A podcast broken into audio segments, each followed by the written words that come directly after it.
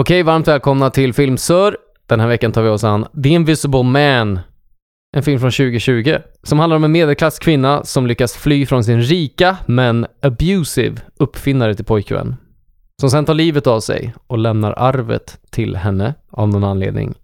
Men hon upptäcker snart att saker och ting är inte riktigt som det ser ut och hon misstänker att hennes avlidne pojkvän fortfarande är i livet. Titeln kanske avslöjar vad den här film, filmen handlar om. Men eh, hur som helst är det i alla fall The Invisible Man. Den senaste filmen som kom ut på bio innan vi alla gick in i karantän världen runt. Och vi vill också säga det att eh, har du inte sett The Invisible Man och har planerat att göra det så kommer vi spoila skiten ur den här filmen under det här avsnittet. Så eh, gå och kolla filmen och kom tillbaka efter det. Det här är Filmsör. Välkomna, nu kör vi igång. Surprise! I'm scared. You don't have to be scared of him anymore. He was a sociopath, completely in control of everything. He said that wherever I went, he would find me, walk right up to me, and I wouldn't be able to see him. Are you okay? Someone sitting in that chair.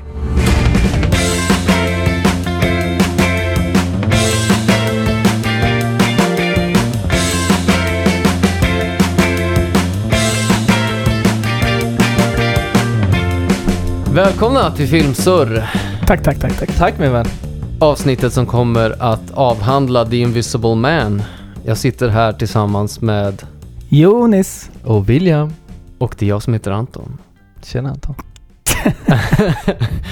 Fan, hur mår ni den här veckan? Vi sitter här en regnig söndag på. Södermalm i Stockholm. Det var extremt mysigt under filmen när det, när det började smattra mot eh, taket och fönstren. Det tillförde en del till stämningen. Ja. Jag önskar Eftersom det att, regnade i filmen så kände man sig som att man var mitt i scenerna. ja, det var härligt faktiskt. Ja. Um, Vi, vi har alltså sett den här filmen eh, The Invisible Man som är en ny film. Vi tänkte även ta oss an lite, lite mer aktuella filmer eh, och inte bara titta tillbaka på klassiker. Och det här är första gången vi gör det. Eh, den här filmen kom ut 2020 i februari, eh, hade den världspremiär. Och eh, den togs ner från biograferna samtidigt som eh, världen gick in i karantän. Så det här var en av de sista filmerna som visades på bio innan covid-19 hände. Eh, och det var den sista bion som vi gick på som trio här. Eh, men vi var inte trion, utan det var bara jag och Jonis, för William hade fått förhinder. Så det var jag och Jonathan som gick och såg den här på bio. För Det är sant. Det stämmer. tre månader sedan var Mm. det väl? Det känns som längre sen. Ja, det känns som fan, det var ett... Ja men så känns det med hela covid-19 grejen tycker jag. Att det känns som att det var ett halvår sedan allting började. men Ja, för första verkligen. gång så känner jag mig ändå lycklig ända in i själen Att du inte var med. att jag missade Jaha, okej. en biosöndag. Vi, eh, vi kan få det till att bli en vana om du vill. Nej, aldrig i livet. Jag hade velat vara där, men jag är glad att det är första gången jag såg den här filmen. Ja, så vi bestämde oss för att vi, vi behöver ta oss an en aktuell film eh, och William hade inte sett The Invisible Man som folk ragear om Ja, det från väst till öst. Om hur bra den här filmen är och att man måste se den. Vi kommer helt snabbt otroligt. in på, på filmsurret nu. Ja, du ville snacka om Jag vill höra hur ni mår. Ja. Det är bra. Det, det, blev, det. det. det blev en snabb fråga till mig hur jag mår. Kan ja. inte du berätta något då, William? Ja, hur, hur är stämningen hos William den här veckan? Jag har ingenting att rapportera. Nej. Jag, hade, jag spelade golf för första gången Ja. i mitt liv, tänkte jag säga. Nej, men på typ 10 år. I torsdags. Kul! Ja, min, styvfar fyllde 50 år i torsdags. Ja. Eh, och det är sjukt. Men eh, han ville gå 18 hål. Det gick sådär. Hur lång tid tog det att gå 18 hål? Min kära bror Viktor spöade skiten ur mig. Mm. Och han, gick han fick ner sitt handikapp med så här 30 poäng, eller vad man säger. Nej. Jo, Det är men helt omöjligt. sjukt. Han han kom ner till typ så här 28 eller någonting. Han har spelat mycket. Och jag kom ner till 44. För att sitta och Vadå, skämmas. hade, hade du ett handikapp? Ja, ja. Jaha, alltså man får ett handikapp. Jag köpte mitt gröna kort? Gröna kort. Men nu, tiden, nu tiden ska man ju köpa sitt gröna kort. Ja. Så jag gjorde det. Eh, på... En annan fick ju Eh, stå där och chippa i timmar för att få det jävla gröna kortet. Ja. Ja, nej så var det inte underkänd gång Jag, gång. köp, köpte, jag betalade nytt medlemskap nu så jag kunde spela. Men då har man ju 54 automatiskt. Mm. Sen räknar man poäng ut efter en slag. Och tydligen så var det alltså helt okej. Gjorde jag ifrån mig. Ja, Men måste jag kom ner till sänkte 44. Det är grymt ju. Ehm, jag är ju en mästare. Nej jag skojar. Eh, helt värdelös. Uh, oavsett, det var en fin stund. Eh, mycket motion i det att spela golf. Innan det skulle sägas att jag hade cyklat hem till Anton här och Mm. tagit en löprunda. Men ändå var det golfen som fick dig att... Och känna att du motionerade. Alltså Ja. golf är ingen motion man. Nej. Du behöver inte sitta och bygga Ja, upp. men det var mycket, runt. jag menar överhuvudtaget. Hade jag gymmat och hållit på och tränat mycket så hade det ju varit en hashtag cardio på den dagen. Ja. Ja, nej, men det är starkt av dig att sänka handikappen till 40 någonting. Jag tror jag, jag har haft golfkort, grönt kort i typ två år, tre år. Ja. Och ligger fortfarande kvar över 50 alltså. Man börjar väl på 56 eller något, tror jag. 54. 54. Ja, jag ligger kvar på 52 tror jag, efter tre år. Ah.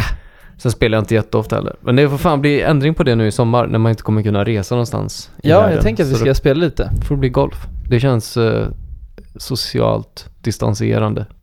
Det är det. Ja. Det Det är sjuka bra grej. med det här är att jag har pumpat diskgolf de Det är senaste ju veckorna. fantastiskt. Fan, Det det skulle vara min segway. Ja, men det var lite det här jag ville komma in på. bara, så Jonis, på tal om golf, hur går det med din jävla diskusgolf? Ja, okej, så det är därför du tar upp det. Ja, vi ville komma Jag in där. tänkte, holy shit vad sjukt. Att jag, eh, ja. Senaste två veckorna har jag väl spelat åtta gånger typ. Så Mm. typ fyra gånger i veckan tar jag mig upp 06.30 på morgonen för att gå ut och kasta diskar. Mm. Det här är helt Det är underbart. lika... Det är det sjukaste beteendet. Det, det är ännu Som- larve, larvigare än vanlig golf. Men Du det står är där. jäkligt kul. Det är en grej. Jag tror att det är kul. Jag har Ja. ju aldrig prövat det här. Nej, Det borde vi göra i sommar. ja det tycker jag. Jag börjar eh, Du börjar få in svingen. få in eh, lite, Kastet. lite Vad kallar man det då? form. Du står ju hemma och tränar med, är det fjärrkontrollen? Eller vad sa jag? Typ, Alla möjliga grejer. stänger iväg den? Det bästa är ju att öva Kasta med en handduk faktiskt. Ja, just det. För att man kan känna i handduken om man, om man drar på rätt ställe. Ja. Va? Dra på rätt ställe? Ja, I vad då? för att du, när du tränar form så behöver du känna att du... För att få fart på disken så ska man ehm, dra den på ett speciellt sätt. Så att du inte det- överanstränger Det fel eh, muskler eller gör Det fel. finns uh, YouTube-tutorials på det här, ja, absolut. Ja, ja. Ja, det är klart det gör. Det Så- finns det poddar? Finns det, nej, finns det, det ha- frisbee det Det här börjar bli en podcast om... Ja, det är golf. som Det, det, det är handlar härligt. om att hitta rätt form så att du eh, anstränger rätt eh, muskler vid rätt tillfälle för att den ska komma långt. All right. Fan. Kul. Ja, kul. Har det är du, skitkul. Börjar du få in den då? Är den, börjar den sitta? Jag gick min bästa runda någonsin på Tyresö discgolf eh, Tyresö, Bana. 35. i veckan. Det Mm. var kul. Nice. Ja, grattis. Tack. Själv eh, har jag inte gjort så jävla mycket mer än att gå mina steg varje dag. Försöka komma upp i dem. Eh, Du och dina steps alltså. Ja, Ja, men försöker eh, hålla sig i form i dessa tider. Du är den tajtaste mannen Alltså, som jag jag- känner. ja precis. Hör jag någon säga dessa tider en gång till så kommer jag explodera. Men eh, jag kan bjuda med mig två härliga tips som jag har konsumerat rent eh, popkulturellt den här veckan. Nice. Och det är eh, en Big liten... brains alltså. Mhm. Ja, men en liten okänd serie på Netflix som heter Afterlife med Ricky Garvey. Garvey Ja, från ja. The Office, Ja. brittiska The Office. Eh, den har inte gjort så mycket ljud av sig. Nej. Men jag började kolla på den för att jag gillar Ricky Garvey Mm. och tänkte att så här, ah, vad fan. Det känns som en så här riktigt klassisk Netflix-serie. Det är varken, det är, det är aldrig top notch, men det är heller aldrig jättedåligt med serierna som de pumpar ut. Så jag gav den här serien en chans och tyckte ändå att så här, det, den har humorn som Mm. Ricky Garvey är känd för från The Office. Samtidigt som det är en otroligt cheesy feel good serie Men den är ganska nice att sitta och mysa med på kvällarna. Det, är- det är helt klart en sevärd serie. Nice. Eh, och i tillägg till det så har jag lyssnat på den nya P3-dokumentären som kommit ut kring Kapten Klänning. Också Mm. ett, eh, ett hett tips på att lyssna på den. Shit Sjukt. vad spännande. Jag var, inte, jag var helt oinsatt i Kapten Klänning eh, kollapsen, eller kollapsen, hela skandalen där. Polischefen som kallades, Göran Lindberg tror jag han heter, Ja. kallades för Kapten Klänning. Som var en eh, förespråkare för jämställdhet och kvinnors rättigheter inom polisyrket och Mm. överlag. Sen så uppdagades det att han hade köpt eh, minderåriga prostituerade stackars Nej. tjejer i typ tio års tid. Nej, och sjukt. eh, utnyttjat dem. Och det här kom Vad fram fan? då. Jag tänker, på, det, jag tänker bara på Nile City och Ja, Robotus, eller hur? alltså Kapten Klänning. Ja, Mm. men det här Men var ju, det- det... var långt innan skandalen. Så att eh, Jaha. jag vet inte vad som kom först. Kapten Klänning från Nile City eller uh, Nile City polischefen. Men det fanns en polischef som hette Göran Lindberg som kallades för Kapten Klänning. Som senare Shit, åkte dit sjukt. för Ja, eh, fasen vad Men han måste ju kallats för Kapten Klänning på grund av den Ja, det är det jag rollen tänker då. också. Jag har inte riktigt kollat upp det. Men... eh, Det måste vi ju... för det här skedde är- 2010 så blev han arresterad för de här brotten. Så att jävlar. när Nile City gjordes ja, det så var var det inte känt att han var en pedofil som Nej. köpte prostituerade. Ja, vad äckligt. Ja, men eh, fett bra, fett bra podcast-dokumentär. Så uh, ge den en chans. Nice. Nu är jag Tack redo. tip- får tipset. Ja, okej. Nu har vi briefat varandra vad vi har sysslat med Nu senaste tiden. blästar vi in. Så nu ska vi ge oss an, eller ta oss an, The Invisible Man. Eh, Dun, dun, dun! Och jag berättade lite synopsis om vad det handlar om. Det är alltså en kvinna som flyr från sitt, sin man som misshandlar henne, eller hennes pojkvän. Och hon lever i ett otroligt manipulativt och eh, otäckt förhållande med den här killen som försöker kontrollera henne på alla sätt och vis. Och han är väldigt rik, framgångsrik uppfinnare som jobbar som eh, Optiker. optikerprofessor, typ. Specialist. Specialist, han jobbar med optik. specialist. Ehm, och hans specialområde är ju, eller hans stora uppfinning som han jobbar på är ju att eh, kunna göra sig själv osynlig genom optik då. Som ingen vet förutom... Men han har ju inte kommit ut med det. Han har Nej, inte nej, nej. lyckats med den uppfinningen än. Nej. Men det, det är ju inte allmänt känt Nej, att han jobbar på det. nej verkligen inte. Eh, men hon vet om det. Mm. Våran, Frugan. eh, våran antagonist som... Vet hon om det? Är vi säkra på det? Hon vet vad han jobbar med. Eller? Ja, ja. Hon har sagt det. Hon säger det i Men hon- filmen. Att hon vet om att...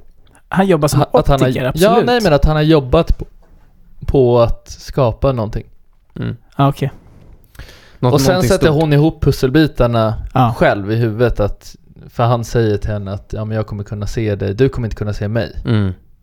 Men jag kommer vara Ja. där. Så hon Ja. fattar ju, efter hon har flytt från den här hemska killen, så börjar saker och ting hända i hennes liv.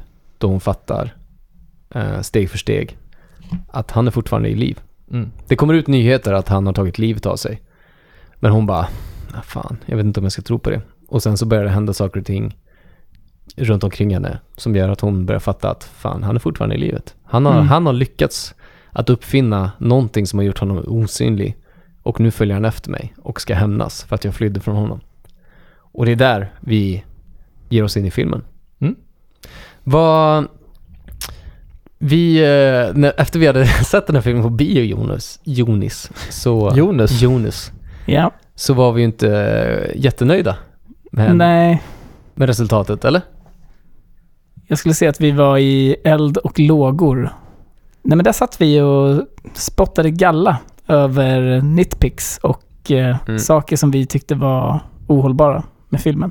Obesvarade frågor. Jag tror inte det handlar så mycket om att det är en jätteusel film liksom. Nej. För det är det inte, utan, men den har bara så otroligt mycket nitpicking. Ja. Där man sitter och bara va? Det där är, Mm. hur hände det där? Och hur skulle, det där hänger inte ihop med den Mm. scenen. Alltså, så här, det finns för mycket saker att peta hål på i den här filmen. Men det är, Mm. inte bara, det är inte bara att det är nitpicking. Det är ju, alltså, jag hade sjukt svårt efter jag hade skrivit ihop ett långt jävla manus för den här filmen. Vad Mm. jag skulle lägga på nitpicking och vad jag skulle lägga på obesvarade frågor. Mm. Samma här. Ja. För att det är så många frågor där man undrar så här, varför är det inte så här? Eller varför tänker han, hon så här? Eller varför tänker... Vad, vad fan är det som händer här? Mm. Jag... eh, Med det sagt så vet jag i och för sig inte om jag vill säga det än, men det kan vi se om vi kör på det inte. Men det här hade kunnat vara en bra film. Ja. ja, till 100 procent. Många tycker att det är en jättebra film. Ja, men. Det hade Den kunnat är- vara en jävligt bra film. Ja. Och jag skyller ingenting på skådespelarna. Nej. Nej. Jag tycker inte att någon skådespelare i den här filmen gör ett dåligt jobb. Jag tycker att manuset och hur man bygger upp filmen är dåligt. Mm. Ja, där ligger de största flasen. Ja, men jag, jag skrev ner en grej under tiden nu när vi kollar på den här filmen för andra gången ska nämnas. Att eh, det här är ett så jävla praktexempel på publikfrieri. Alltså du har, du som regissör, eller någon person som jobbar på den här eh, produktionen i teamet. Mm. Ingen har som ambition att här ska vi skapa konst. Eller här ska vi skapa ett, Nej. ett mästerverk till film. Utan alla sitter där och bara, hur mycket pengar ska vi kunna tjäna på att göra en film? Och det är En där de brister. Här, det här ska vara en crowd pleaser. För de vet att gör de den här filmen med alla de här jävla klyschorna vi ser. Regnet som kommer mot tredje akten när det börjar dra ihop sig. Pistoler som sparkas undan från bad guys, bla bla bla. Eh, bilar som snos från civila. Alltså det är så otroligt många filmklyschor i den här filmen som har använts alldeles för många gånger för att du ska kunna göra en film 2020 med samma exakta scener. Men de vet att så här, det är det folk går igång på och de vet att 17, 16, 18-åringar kommer sitta där i biografen och skrika och vara livrädda och kasta popcorn på folk som sitter bredvid och vara fett störiga. Det vet de att det kommer de lyckas med för att det, när man går och ser den här filmen så ser man det. Alltså folk Ja. som sitter i bakre raden och bara ah, blir helt galna över hur skrämmande alla scener är och man bara det här är inte läskigt. Gå och se en riktig skräckfilm, era jävla noobs. Ni Ja. vet ingenting om livet. Det är det enda jag sitter och tänker. Och, men de vet ju det. De vet ju det mycket väl när de gör den här filmen. Hur Ja. mycket pengar de kommer dra in. Ja. Hur många jävla Ja. kids och ungdomsgäng som kommer gå och se den här senaste skräckisen. Och att de kommer dra in multum. Det är en Så jäkla ana- analytikerbyggd film. Det här Ja. är så här, det har AB-testats i olika filmer nu Lägger du in den under här en lång tid Ja. och så bara okej, nu lägger vi in de grejerna som vi vet funkar. Och Så så att- gör vi det med bra skådisar. Ja, Så, ja, kommer det gå ja bra. släng in några stora namn. Ja, Alltså, ja visst, vi får kvinnan från uh, Handmaid's Tale. ja. Svinhypad. Svinhypad och serie. skitduktig Ja, skådis. då kommer varenda tonåring i Ja. världen kommer gå och se den här filmen. Och då har vi våra pengar. Så vem fan bryr sig om att skapa konst när Mm. vi kan tjäna miljoner? Det är min Jag teori. vet i och för sig inte om Handmaid's Tale är en tonårig, tonårsserie. Är det det? Jo, jag tror det. Jag tror många kids tittar på den. Ja, det kanske är. Det är en ren jävla gissning också. Jag, Jag har, inte tycker- sett, jag har inte sett statistiken. Nej men jag, jag vet inte, jag tycker det känns mer som en, alltså vår ålder, cirkus Jag tänkte, och sen säga uppåt. att, jag tänkte säga att alla har sett det. Men så kom jag på att jag hänger ju inte med kids. Nej, jag är down with the kids. Okej, Nej men alltså jag är ju småsyrror. De har inte sett Handmaid's Tale. är du säker? Eller Tusen procent säker. Har du frågat dem? I- Nej, tror men inte jag det. vet väl vad de kollar på för serier. Okej. De är ute, de kollar typ om OC just nu, kidsen. Vad fan gör de det för? Nej. För att det är 90-tal, alla kids älskar 90-talet. Lugn. Det Ja, gör de för att du har sagt åt dem att göra det. Nej. Nej. 90-talsserier är skitstora just nu. Mm. 90-tals 00-serier. Alltså, eh, OC gjordes ju 00 men ja, men 90-tals 00 sa jag. Beverly Hills. 90210. Nej, det skulle aldrig någon kolla på. Nej, det är inte från 90-talet. Kanske remaken. Okej, whatever. Eh, låt oss snacka lite om Lai Wanell som har gjort den här filmen. Uh, australienaren som... Lee. eh, Eller? Lai eller Lee? Lee, tror jag. Det är en obesvarad fråga. Vad hans, vad hans namn är på riktigt. Men han har skrivit filmen och eh, regisserat den. Och det ska nämnas att det är en remake från, eller det är en adop- adoptering av en roman som skrevs 1897. Eh, och den romanen skrevs av H. H.G. Wells och handlade om en inbrottstjuv som var osynlig. Eh, som eh, bodde i en liten småstad i USA och bröt sig in i massa hem och ingen kunde lista ut vem det var eftersom förövaren var osynlig. Sen gjordes det till en film 1933 första gången Ja. och då var det en man som blev en galen mördare eftersom han var osynlig. Så det blev en typ eh, en Jason fredag den 13 film fast mördaren var osynlig. Eh, och den här, våran regissör, han är, en, han är lite av en rookie, Lai Wanell. Han, han har tre filmer under sitt bälte, vilket förklarar en hel del. Eh, han har gjort Insidious 3, 3. Han har gjort Insidious 3. Har han skrivit. Som också förklarar. Vad Nej, han har regisserat den. Det förklarar Mm. också jävligt mycket. Eh, för det är ingen bra film, eller? Är vi eniga om det? Trean. Nu kommer inte jag ihåg trean. Men första Insidious är... Ja, men det finns en anledning till att du inte kommer ihåg trean. Ja. Han har också skrivit lite för Saw-filmerna. Han är med i Sa. Han gjorde Ett. så 3D. Ja. Eller hur? Men han är också en snubbe som vaknar i badkaret i Sa 1. Ah, Han är asskön. Är det där Ja? Okej. Ja. Han har varit med och skrivit Saw-filmerna. Ja, Är Saw-filmerna bra? Ja, Fortfarande? Jag såg dem när första. jag var 20 typ. eller för vissa. En del av dem. Första Sa-filmen är ju genius, tycker jag. Mm. Ja, jag minns den typ inte. Men Kanske vi vill ja, se. jag tycker att så ett, kanske två. Den var originell i alla fall. Alltså den var ganska nyskapande. Ja, Om ni kollar på den nu så kommer ni märka att det är en thriller. ja, ja. De andra är bara splatter och eh, hemska saker som händer med folk och Ja. games. Den första är ju en polis som jagar en mördare liksom. Mm. Bra thriller. Kul! Mm. Det, Det, kanske lite blir något Seven, för, det eh, kanske blir något att ta upp i podcasten. det är inte det är lite. Seven-vibes över den. Just det. Eh, den har 7,2 på IMDB. Det är helt sjukt. Alltså, kan man förtydliga om att vi inte... nu pratar vi alltså om den här filmen, inte så. Ja, nej, Utan den här filmen. The Invisible Alltså, Man har 7,2 på Den har IMDb. 7,2 på IMDB. Och vi är väl eniga i att det här är inte en superbra film. Nej, det är skräp. Jag skulle gett den här en fyra Mm. Ja, en 4-5. på IMDB. Men jag blir så less på det här, för Ja, det är, men vi det är går skitsvårt. ju och ser skräckisar som är, Det är, bra, inte, det är inte men som ändå får heller. 6,4. Mm. Jag förstår inte varför man ger den här 7,2. Eller vad sa du? 7,2 på 7,2. IMDB. Eh, på Rotten Tomatoes så har den fått uh, 91% och 88. 91 av eh, critics och 88 av eh, users. Kul att du säger det Anton, eftersom att du satt för några avsnitt sen och eh, pratade om, Praisade. critics-scoren Ja, på Rotten. Tomatoes. Jag vet inte vad de har tänkt där. Men, eh, 91 procent. alltså, Glöm aldrig. Det är helt sjukt. Och eh, de sätter ju alltid ihop en sån här konsensusmening om filmen. Där de typ sammanfattar vad kritikerna tyckte om den. Och jag tror det är den äckligaste, äckligaste Åh, meningen kul. jag läst. Berätta. Den lyder så här. Smart, well acted. Det är sant. med. Smart vet jag inte. Ah, Okej, den är smart. Alltså premissen är smart. Just, Ja. ja. Premissen är Well smart. acted, yes. Well acted, yes. And above all, scary. Alltså det är sällan jag sitter och är rädd i filmen. Den har två eller tre gånger i filmen som man så här rycker till. och då är det Ah. för att det är en jump scare. Det är Ja, typ för att han exakt. dyker upp på ett konstigt ställe Ja, som exakt. bara... "Äh." Ja men i trappen, när, hon, när Ja. han står på stegen och hon är där uppe och Fast det är kastar så ner färg på sjukt honom. obvious alltså, shit. Och vilken publik älskar jump scares? Uh, see, see what I did there? Folk som älskar film, typ folk som oss. Ja, fan alltså. Ja, Tonåringar skoja. mer än någonting alltså. Men vi älskar uh, jump scares, såklart. Uh, the Invisible Man proves that sometimes the classic source material for a fresh reboot can be hiding in plain sight. Alltså, du borde få sparken från vilken tidning du än jobbar på. För att skriva den här raden om The Invisible Man. Det är märklig energi i det här rummet just nu. Ja, det är en jättekonstig energi. Men det som, Inte mycket vi hade ju faktiskt en, vi hade en intressant diskussion om det här. I, alltså innan vi började kolla filmen. Eller var det under filmen? Det, det kan ha varit i en, en kisspaus. Anton skrek hela filmen. Han satt och skrek. Det skrek högt. Eh, ah, vem är det som har skrivit det? Nej, jag skrek av Men- skräck. men, För den är above all scary. Så att men jag... Jonis, vi Ja. pratade ju om, om Rotten.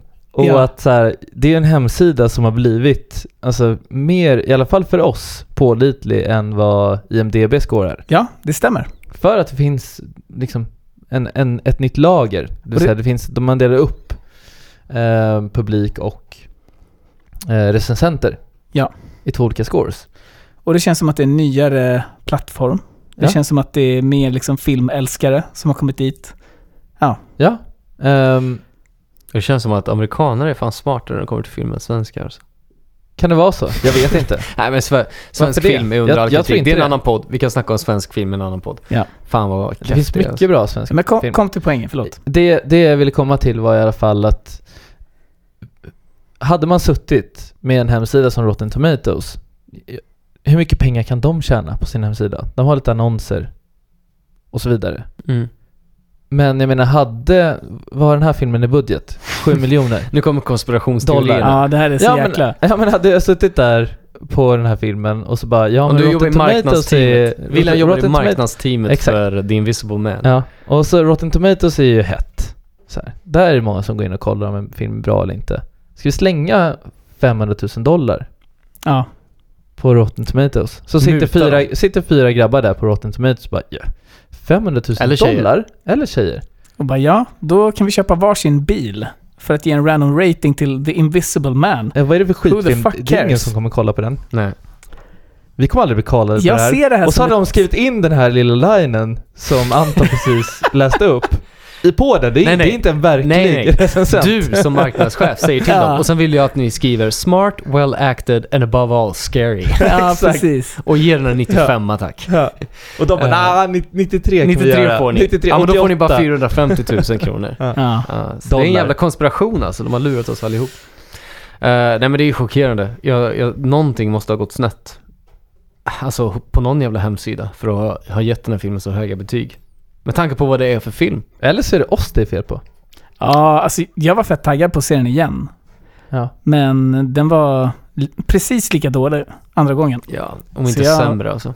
Jag vet inte vad jag ska tro. Ja, fuck it. Vi får såga filmer också. Det behöver inte bara vara en mysig filmpodd där vi pratar gott om filmer. Vi kan, Nej. vara, vi kan få vara lite arga också tycker jag. Jag hade ju velat bygga upp det här avsnittet, att vi sitter och så här är lite halvgulliga om filmen. Och bara så här, ja men vi får se vad vi tycker när vi kommer in på kategorierna. Men vi är redan där nere Ja, i det blev mörkret. hett vi, fort, vi är alltså. nere i mörkret. Ja, vi är nere i the abyss. Uh, budgeten var 7 miljoner kronor. Jag säger det här med... Dollar eller kronor? Nej, 7 miljoner dollar, Dollar. såklart. Det är skillnad. Nu är vi tillbaka med våran jävla konvertering av valutor här alltså. Det går aldrig bra. 7 miljoner dollar var budgeten. Och 2020 också. Vad är det? Så Vad är det är värt det, nu? Så det är exakt 700 miljoner kronor. idag. Två månader senare, efter coronakrisen, så har ju valutan stigit Väldigt med mycket. massa pengar. Dollarn har blivit värd mycket. Eh, Nej men jag säger det här med suck. Den spelade in på öppningshelgen. 28 miljoner kronor. Och hittills... 28 miljoner kronor eller dollar? Fan. Det är dollar. Den spelade in öppningshelgen 28 miljoner dollar. Och Damn. hittills eh, världen över så har den spelat in 123 miljoner dollar. Det är helt sjukt. Det är, Det är mycket. helt... De kan lätt slänga 5 miljoner dollar Ja, men på vadå, Rotten, Rotten Tomatoes. ja, det är klart den kan. Marknadsbudgeten lär ju legat högt alltså. Men vad då är ni förvånade över att den har gjort sån kassasuccé? Det här är ju Nej. trots Nej, coronakrisen. det här, är, Som kom mitt upp i alltihop liksom. det här är som att någon skulle säga att ja, Spider-Man Homecoming drog in 100 miljoner dollar. Där man bara ja, det är klart för att alla tonåringar i världen går och ser den. Ja, men det, Det är som det en film också. som man borde gå och se. Alltså Ja. den nya Spider-Man. Alltså, borde och borde, men så här, det är ändå Spider-Man. Det är ju en så här actionhjälte som är känd throughout time. Alltså, det här är ju en...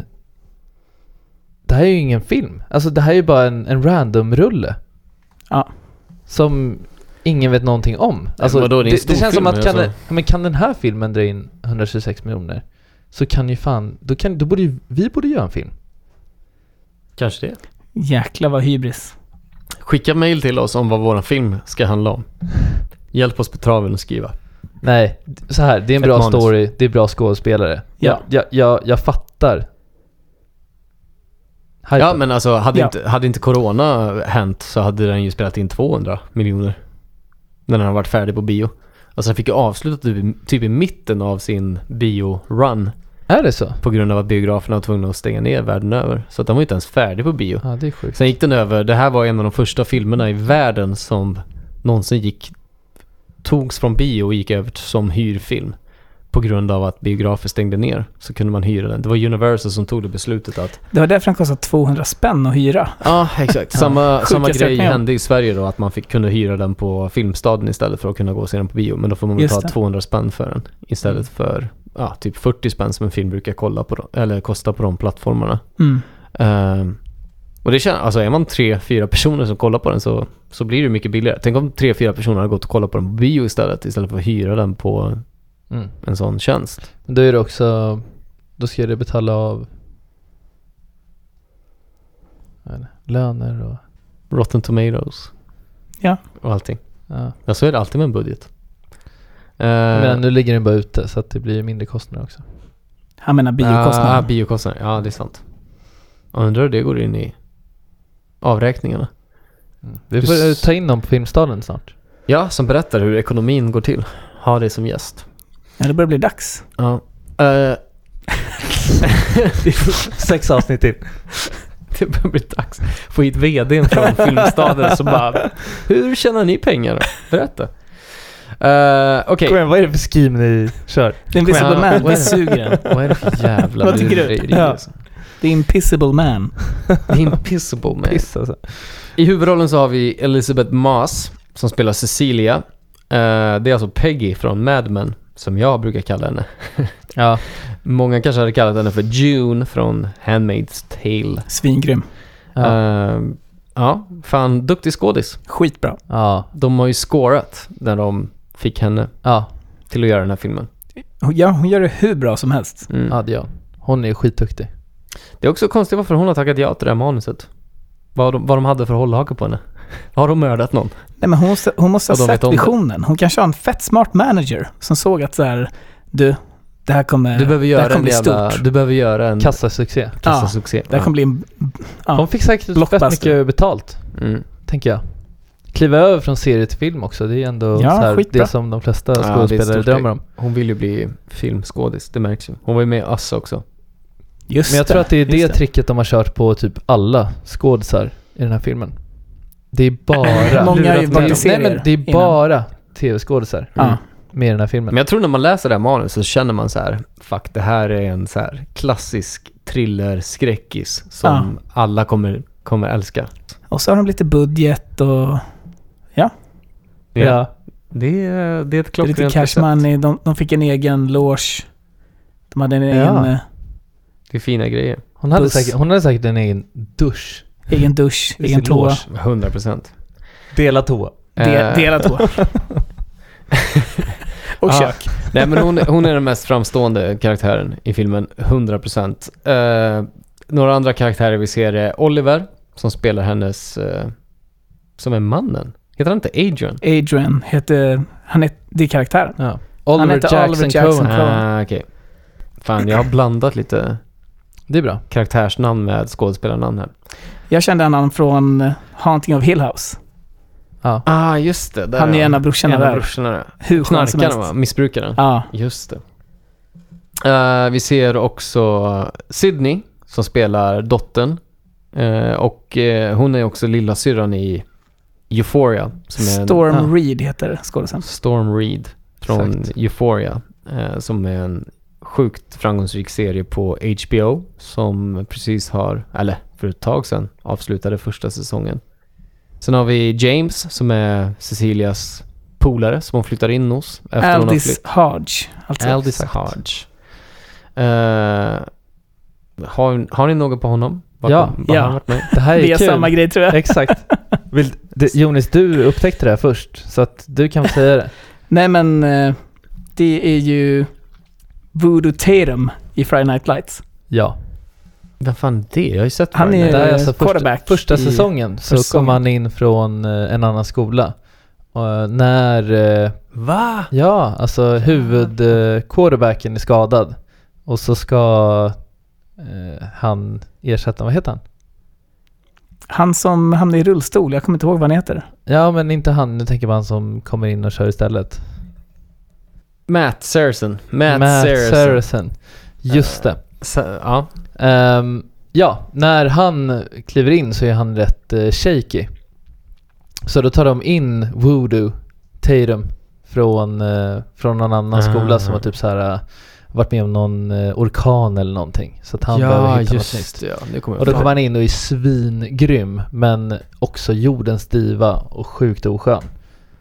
Eh, Ja, men jäklar vad jag kände igen honom. Och sen så, så jag kollade igenom hans eh, IMDB och det är så här, ja, han är med i Straight Outta Compton, Jack Reacher, men så här, ja men B-roller. Mm. Eh, men det är ju från eh, Friday Night Lights som jag kollade om nyligen, som han är med i. Mm. Ehm, det är Ja, det om Aldous var- Hodge. Ja, det är det. En B-skådis. Ja, Ja. Grymt. vi har också Emily.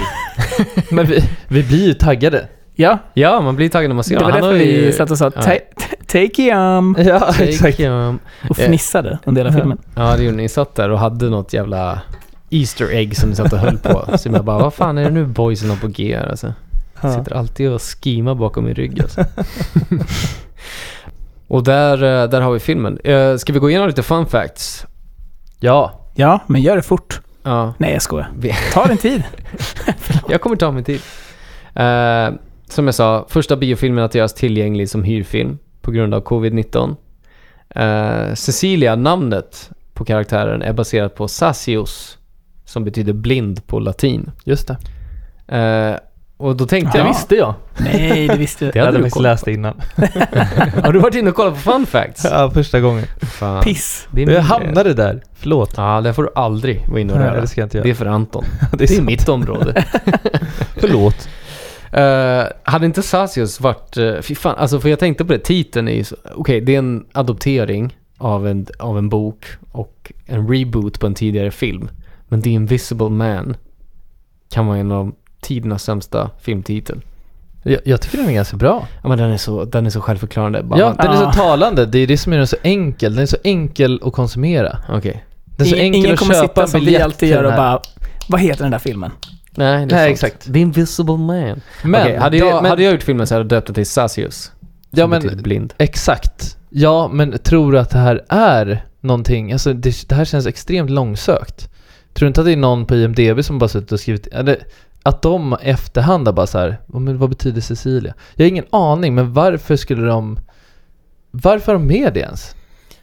Vadå att de... eh, Ja men alltså varför skulle hon heta Cecilia på grund av att Sasios be- betyder blind? Nej, men en fin liten, liten nugget. Ja men vad är det med grejen med att hon är blind då? Hon ser Hon inte ser ju honom. inte honom. Men honom? Men alltså, alltså Williams analyser idag. men det är extremt farfetched. Nej, Ja, det är Då är skit. väl alla blinda i sådana fall? ja. Ja men alltså vadå? Vi men det är bara- hon som blir utsatt. Ja, det är Ja, men- hon som är blind. Men hon är ju inte det för att hon märker ju det första Första gången han kommer in i rummet så känner ju hon att han är där. Det är sant. Hon är egentligen hon är Hon är den upplyst. Alltså, Hon är den borde enda som vet. Vad, vad är upplyst på latin? Precis. Alltså hon, hon Hon har ju en känsla, hon har ju fan ett sjätte sinne. Hon känner ju av när ni är i rummet utan att höra honom. Vilket jag också kommer komma tillbaka Du har till. rätt. William har rätt. Det här är en löjlig fun fact. Okej. De har inte tänkt på det när de gav Varför är henne det namnet. blind? Alltså att hon inte ser. Hon Ja, ja, men det ser är väl ju honom även fast, han är, alltså. även fast han är osynlig. Okej, det är något fan som har suttit där och bara ja Cecilia, det är... Eller så är det filmen, vilket gör den ännu sämre. Vi måste fan tagga ner nu alltså. Okej. Det här är för mycket. Det är så mycket ilska i det här rummet just nu. Sitter och kokar. Vi är till och med hetsiga mot varandra. Det här är det sjukaste jag varit med om. Alltså, det här är sista avsnittet av Filmsur. Bara så ni vet. Shit vad kul. Vad hände med eran podd då? Nej, det var... Det är Din Visible Man fick oss att, fick oss att avsluta det där. Tappa hoppet. alltså, vi bröt ihop efter det. Vi kunde inte gå tillbaka till jobbet flera månader. Det var traumatiskt. Det är skitkul. Whatever. Uh, hur som, Alexander Skarsgård var första valet av studion när det kom till vilken roll gissar ni på? Ja men eh, som uh, Oliver, eller Adrian. Adrian. Ja, Griffin. såklart. Mm. Hur många roller har Alexander Skarsgård spelat som en psykopat, dålig pojkvän nu? Alltså han, han är ju typecastad. Han får ju ge sig ur den där jävla grottan som han sitter i. Ja, men samtidigt så har han ju gjort Tarzan, jävla succérulle. Ja. Grattis till Alex alltså. Det var där han fick sin Hollywood breakthrough. Nej, Alex jag älskar dig. Ja. Du måste ju bara säga det när du sitter där med din jävla Han är ju Hammarby-dator. fantastisk. Ja, ja. Eh, Jag tycker det på riktigt. Okej, här kommer lite, ja, lite, grym. lite härliga uh, trivias. Rocken och hatten som hon ser när hon vaknar upp, det är kostymen som användes i originalfilmen. De har alltså efterliknat. Kommer ni ihåg scenen när hon blir fotad Ja, och sen vaknar jag- hon så jag ser hon Mm. kostymen? Jag tog med det som en obesvarad fråga och jag lackar på den scenen. Alltså, Men ja. var det på grund av kostymen? Ja. Okej, men Varf- kostymen... det- Vem i sitt... Okej, förlåt. Fortsätt. Men hon är ju intresserad av mode, så hon håller på att styla massa mannekänger där i sitt rum. Ja. Och eh, som en litet Easter egg, eller hyllning, hommage till första filmen, så Mm. har de eh, satt upp kostymen exakt som den, som den var i originalfilmen. Det är fett coolt. Det är det. Eh, och detsamma gäller med, eh, kommer ni ihåg patienten som stirrar på henne när hon är på sjukhuset första gången? Efter hon kollapsar där på jobbintervjun så är hon inne och, och blir undersökt. Och då kommer en patient som är inlindad Ja. i bindor Ja, och tittar på ja. henne. Det är också en hommage till första filmen för Okej. att uh, The Invisible Man är inlindad i binder. Ja. För jag undrade lite vad... Vad som var grejen med det. Ja. Ja, men Det är bara Jag har ett sett Easter den. egg. det är jag rätt säker på. Den är från 1933. Men det är helt sjukt. Ja, Vi borde kolla på den, se om Ja. den är... Men jag känner igen det, att han är inte. inlindad i... ja jag vet. Men Bindor. det finns fler. Det måste vara någon annan tolkning. Ja, eller någon annan filmskurk som är inlindad i binder. Vad är det som Mumien. Mumien. Mumien? Ja. Det är mumier. Nej, nej, nej. nej. Det är Mumien. Eh, som för övrigt är... Ja, Jag kommer fram till Too det. obvious. Dockan från Sa är målad på väggen utanför sjukhuset. Såg ni det? Jag tror jag missade det. Va? va? Eh, alltså, du vet, vad, vad kallas dockan i Sa? Det är en clown, typ. Ja, clowndockan. Liksom. Ja. Den lilla grejen som kommer på en cykel. Ja, Ja. den Eh, kallas inget. Det är bara en... Jo, men han har ett namn. Jag kommer bara inte ihåg vad, vad namnet är. Men den dockan är i alla fall målad på väggen utanför sjukhuset. Jaha. Dang. Jag missade det helt. Men jag tror den hette typ Jigsaw eller någonting. Ja. Men jag... Ja, det är det han kallas. Mördaren kallas Ja. Jigsaw. Eh, Elizabeth Moss drog inspiration från The Others och Prisoners för att eh, hitta den här kvinnan som blir galen för att allting runt omkring henne verkar som en annan värld än den världen som hon upplever. Ingen tror ju på henne och Nej. det går i linje med både The Others och The Prisoners. Två sjukt bra Ja. thrillerfilmer Ja. eh, som man borde se om man inte har sett dem. Speciellt Prisoners Mm. tycker jag är ja. fan en av tidernas bästa thriller alltså. Men det lyckades hon... Smart. Ja, alltså hon jättebra. är ju grym. Mm. Jag förväntar mig Så ingenting för annat. att hitta den här galna kvinnan så letade hon inspiration i de två filmerna. Eh, Cohen, eh, som spelar Adrian, drog inspiration från eh, ledare. manipulativa politiska ledare. Som till exempel, Dang. inom parentes, Trump. Mm. För att hitta rollen som den här typen av sociopat som använder sig av fenomenet gaslighting. Känner ni till gaslighting? Nej. Bra, för det för mig in på det slutliga segmentet när det kommer till fun facts. Eh, där, här kommer det då en liten jingle för mitt segment. Da-dam, bam, bam. Ba-da-ba-ba-ba. Nej, men gaslighting är ett eh, fenomen, eh, ett psykologiskt, psykoterapeutiskt fenomen eh, som innefattar manipulation där du förvrider eller lämnar ute fakta eller tillägger fakta för att få ditt offer att tvivla på egna upplevelser eller minnen eller sin egen sinneshälsa. Mm. Förstår ni då vad jag menar? Ja. Ja, absolut. Eh, och uh, fan när jag läste det här om filmen så tänkte jag shit, det här är så jävla intressant för att jag hade aldrig riktigt varit, jag hade hört begreppet gaslighting innan Mm. men jag var inte så förstådd med vad det faktiskt betydde. Men jag känner igen den här personligheten i Ja. många personer som jag har träffat genom mitt liv som försöker verkligen att så här förvrida fakta Ja. kring hur du har uppfattat saker för att få dig att tvivla på verkligheten. Och det är så jävla Ja. läskigt. Det är Ja. en sån sjukt läskig version av manipulation. Mm. Att försöka få någon att tro att de själva är galna. För att, men vänta nu, du sa ju det bara. Nej, jag har aldrig sagt det. Och så har man skitdåligt Ja. minne själv så att man bara, Ja. ja, Men fan, det kanske okej. stämmer. Det kanske stämmer. Det är väl jag som inbillar mig det här, att det Ja. här hände. Bara, ja, det är du som inbillar dig. Det är en sån otroligt läskig jävla grej. Så det är därför han har byggt eh, söga väggar runt sitt hus. Ja, För att han exakt. refererar till Trump. Ja, han har byggt muren. Nej men eh, i, i sista scen, eller sista alltså dialogen som han har med henne så är det ju supertydligt. Mm.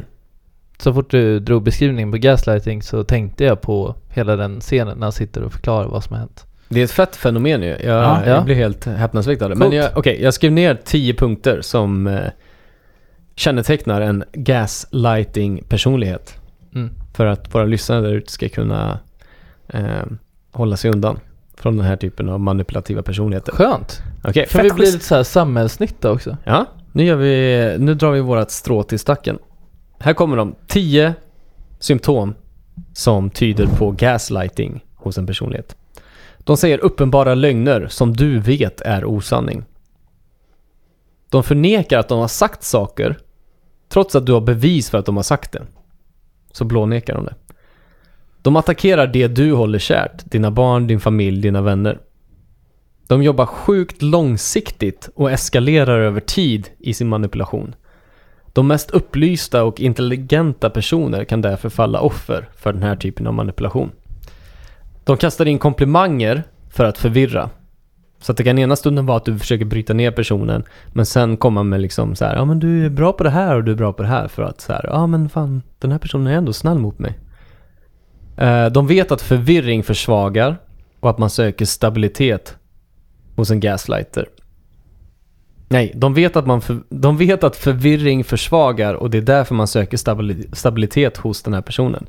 Och de projicerar, eh, de liksom, istället för att när du vet att det är de som gör fel, att det är de som är missbrukare eller det är de som slår eller det är de som gör det här, så försöker de få dig att bli den personen. Nej, nej, men du, du drack ju den här flaskan eller det var du som slog mig den gången. Så här. De försöker få sina problem att bli, att det är du som har de problemen.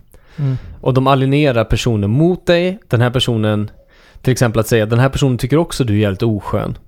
Precis som jag tycker. Att så här, de försöker få andra personer, men vi är ett gäng som tycker att du är på det här sättet. Mm. Och det är ett sätt att manipulera. Eh, de säger till dig och andra eh, att du är sjuk och galen för att dina ord inte ska väga något. Så att de kan liksom gå runt ryggen på dig och berätta så här, men vet du vad, den, hon är, eller han är helt sjuk i huvudet. För att sen när du kommer så ska den personen tro att du är instabil. Mm. Så de så preppar dina umgängeskretsar för att de ska så här tro att du är dum i huvudet. Och eh, ett annat känn- ett sista kännetecknande eh, personlighetsdraget är att de säger att alla andra är lögnare. Inklusive så här, din familj, media, läkare, alla vettiga personer runt omkring dig säger de att nej men de är bara lögnare, de försöker bara lura dig. För Mm. att du ska bara lita på gaslighter. Personligheten. Intressant. Ja, det, verkligen. här, det här kommer komma tillbaks. Ja. Eh, I kategorier. Ja. Uh, vad fan, eh, jag vill bara dra snabbt. Har ni något att tillägga innan vi går över på kategorier? Nej, inte ett skit alltså. Jag har fem snabba grejer som jag bara skrev, skrev ner under filmen. Fem saker du aldrig får göra när du gör en skräckis eller en thriller. Mm. Lägg på pianoslingor i varje viktig monolog eller dialog. Ja, det är, din, det är din aller- allergi. Jag hatar det alltså. Alltså de sitter där i köksbordet och berättar om hur hennes upplevelse med Adrian var. Mm. Att de måste lägga på en jävla pianoslinga där för att Det det ska bli extra dramatiskt. Bara fucking gör inte när du ska göra en film. Få karaktärer att i en scen vända åsikter och verklighetsuppfattning. Ja. Då tänker jag på James när han helt plötsligt bara Du slog min dotter nu helt plötsligt. Ja, Ja. okej. Nu, nu vänder jag mig emot dig. Ja.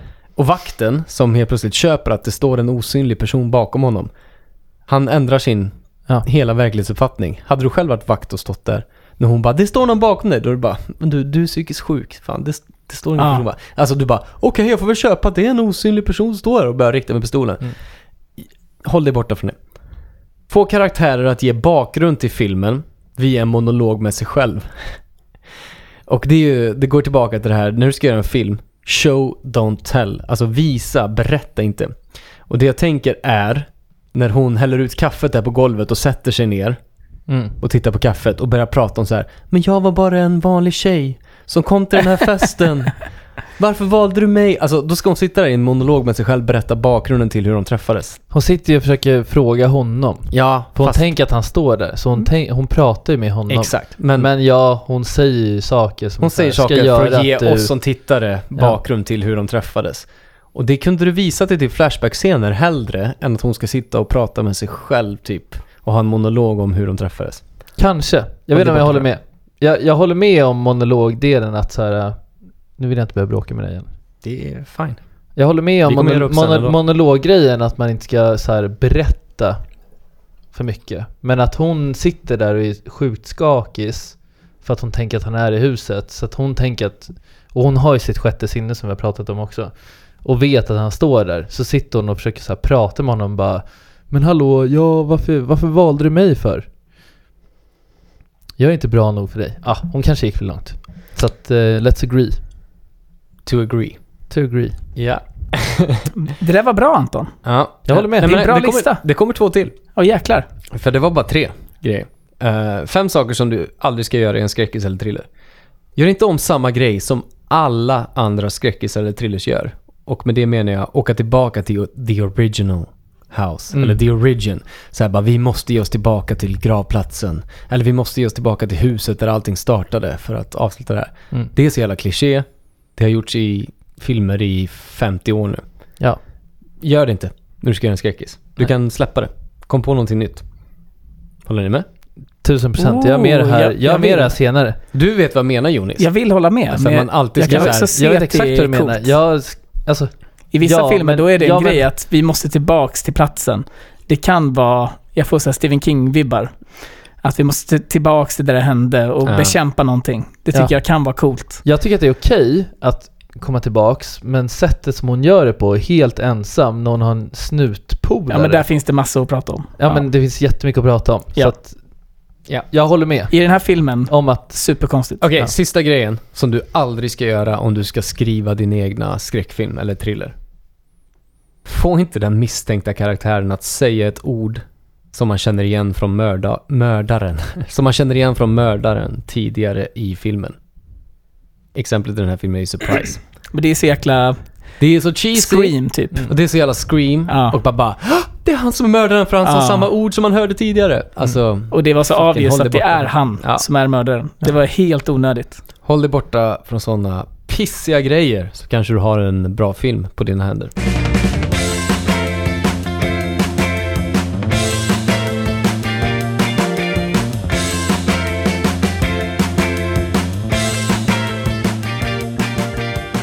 Ah, vi är tillbaka. Förfriskade och eh, pigga och klara i skallen. ja, det känns fantastiskt. Och förhoppningsvis inte lika arga längre.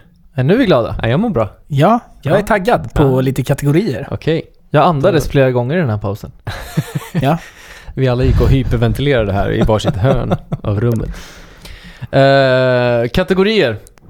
Vi börjar med bästa skådespelarinsats. Ja, jag... Eh, vad kul, jag börjar gärna. Gör det. Ja, Jag kan tänka mig. Eh, jag tycker att... eh, jag tycker att det är lite tråkigt att de väljer Elisabeth Mas. Ja, vad fan annars ska man välja? För Ja. att, ja men alltså, för att det, det, det är handen i handsken. Alltså hon är ju... Men hon gör ju den här, exakt den här eh, rollen. I Handmaids. Ja. Mm. Och typ Mad Men. Ja. Det känns som att så här, att de såg, ja men det här är det vi vill ha. Det här är hon som har gjort det förut. Man kollade inte på ut efter en, efter en skådespelare som man tycker är duktig överhuvudtaget. Utan så här, man väljer bara någon som man tycker har gjort liknande roller förut. Mm. Det tycker jag är lite tråkigt. Men hon gör det så jävla bra. Så att för mig så är hon eh, Hon gör den bästa skådespelarinsatsen. Ja, utan tvekan. Jag, jag skulle ge två specifika tillfällen då jag tycker Elisabeth Moss gör en bra prestation. Och det är hennes eh, traumatiska ansiktsuttryck. Mm. Efter, Direkt efter hon har flytt liksom. När hon sitter i mötet med advokaterna. Eh, sitter och berättar om det. Alltså hon känns trovärdig att hon verkligen har gått igenom någonting sjukt jobbigt i sitt liv. Eh, och sen tror jag det är svårt att eh, göra en fight-scen med en osy- osynlig person. Ja. Och Men- Ja. det, det krävs ju ändå jävligt bra skådespelartalang för att ta dig igenom den. Alltså när hon slåss med Ja. Adrian, hennes osynliga ex-pojkvän i köket. ja. Det, I början. Det är svårt att göra bra och det Ja. är inte hundraprocentigt. Det ser lite plastigt ut lite Men, då och då. och det är inte heller bara hennes fel. Nej. Alltså det, det, Nej, det alltså det är måste inte hennes ansvar, inte ligga på henne. det är ju regin liksom. Mm. Du ska göra så här nu. Hon tar en tallrik och slår den mot huvudet och sen så tycker jag att så här, då borde man kunna liksom göra det snyggare utifrån ett regisserings... Eller klippnings... I, don't know. Jag tyckte det var bra i början. Hon precis har flytt från Adrian. Och eh, bor hemma hos James. Första gången som hon lämnar huset för att hämta posten typ. Ja. Det är en stark scen. Mm. Hon är duktig på Ja. att spela Rädd. rädd. Mm. Verkligen. Som någon som har varit med om hemsk abuse. Ja, hon spelar jättebra. Jag håller med. Nice, då är vi eniga. Ja, Definitivt. Vem hade varit bättre? Vänta, jag vill bara säga det. Att jag tycker att alla skådespelare gör en bra insats. Ja, det är fine. Jag vet inte om jag... Jag, Jag tror det är sagt innan. manuset som brister lite här och där. Ja. Men um, skådespelarinsatsen var ju... Mm. Det var par. Up to par. vi är överens. Vem som hade gjort det bättre? Vem hade varit bättre?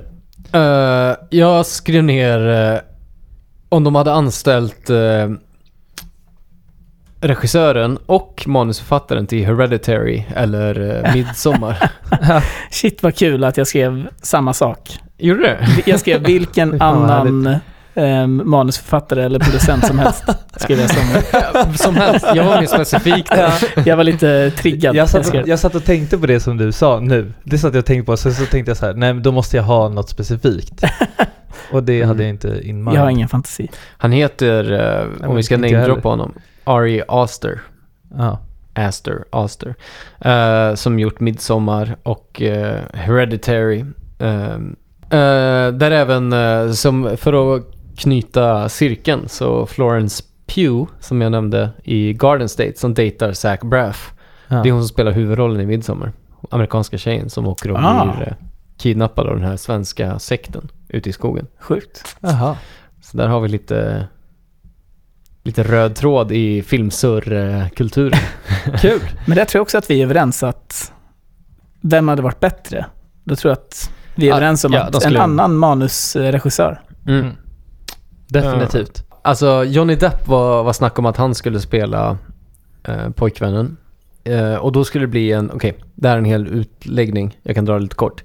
Tanken var att den här filmen skulle vara en del av Dark Universe, som är en del av Universals eh, filmserier. Där de har en del monster som är bland annat Mumien, Frankenstein, The Wolfman och massa andra så här filmmonster som de Ja. har gjort från 20-talet liksom. Eh, och då har ju de här monstren spelat goda karaktärer. De har liksom haft en ond sida där de gör massa dumma saker men de är i grund och botten goda personer. Mm. Frankenstein och Mumien och så vidare. Mm. Eh, och tanken var att det skulle bli den typen av film med Johnny Depp i huvudrollen då, som den här osynliga Mm. mannen som visar sig vara en god person i slutändan ändå. Men det blev inte så, utan eh, regissören, Piss-regissören, ville att det skulle bli en annan film. Ja. Så han, eh, han gjorde till en psykotisk thriller istället, som, Ja. vi, som vi slutar upp med då i The Invisible Man. Hellre det.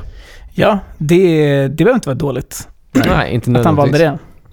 Eh, han kanske bara borde anställt någon annan i sin roll. som regissör. Ja, Nej. han borde outsourca Det första jag kommer göra är att outsourca mitt jobb. Uh, var åldras pissigt tycker jag vi stryker. Eh, för att eh, den har bara varit ute i typ fyra månader, tre månader. Eh, men det som har åldrats bäst, eh, om, om vi översätter den kategorin till vad är faktiskt bra i filmen? Ja men alltså skådespelarinsatserna. Mm. Det kan jag hålla med Det om. kanske är utanför men alltså så här. äh, Jag tycker... Jag tycker det är fett att bara massa tv, alltså tv-skådisar. Mm. Nu kanske det är, alltså idag så kanske det är fine i och för sig. Men för massa år sedan så var det ju en stor skillnad på tv-skådisar och filmskådisar. Mm. Det är ju inte lika stor skillnad idag. Det känns som att man hellre vill bli tv-skådis än Ja, filmskådis idag. ja men en Netflix original-serie drar in en jävla så mer pengar än vad serier gjorde förut. Ja, verkligen. Eh, jag skrev första akten av filmen har åldrats bra. Eh, men det, det, det, det jag tycker är bäst i den här filmen är första akten innan hon upptäcker att han är där i huset och förföljer henne. Det är då det börjar gå south. Vilken, Alltså, jag du menar inte med. när hon flyr från Ja, och sitt fly, hus? alltså, men det kommer jag komma in på på bästa scener. mm. Eh, men så här, från första sekund fram till att hon lyckas smita och hon så här, det verkar som att hon är in the clear. Mm. Hon är där för familjen, de, så här, hon ger stegen, hon får pengarna, hon ger pengarna till dottern i Mm. familjen. Allt det där tycker jag är svinbra. Det bygger upp en Ja. sjukt bra film. Mm. Och sen bara raseras allting så fort han dyker upp i huset och det bara blir... Det blir eh, banalt, Mm. allting. Och jävligt kliché i varenda scen därifrån. Så att eh, första akten är det jag tycker är, är det som har varit bäst i filmen. Eller det som är bäst i filmen. Ja. Mest sevärda scen. Alltså, jag tror, jag skrev ner när hon blev plockad för att ha mördat syrran. Mm. Ehm, för att hon spelar den, det är sjukt bra. Och alltså hennes här, terror och chock. I found something that can prove what I'm experiencing. That can prove that Adrian is stalking me. What is it? some kind of suit that Adrian has built. And it has cameras and it somehow. What?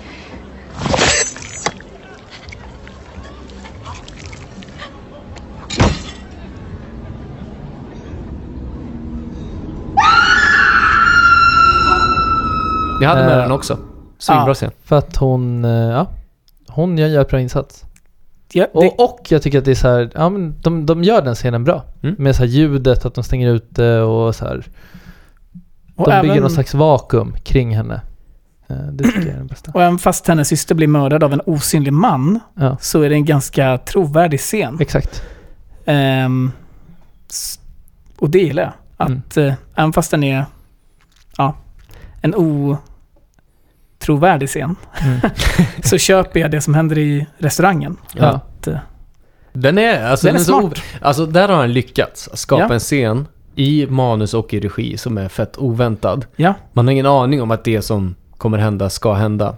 Mm. Och för er som inte har sett filmen men som ändå lyssnar på podden så tar han kniven, eh, den här osynliga mannen, och sk- skär av halsen av systern till Cecilia. Ja. Cecilia. CC. Cici. Eh, och eh, sen Sätter sätt, kniven i sätter handen. kniven i handen på henne så hon blir åtalad för mordet på sin syster. Eh, men det är han som har gjort det eftersom han är osynlig. Och det jag tycker det är en, det är en Mm. bra scen. Det är den som har...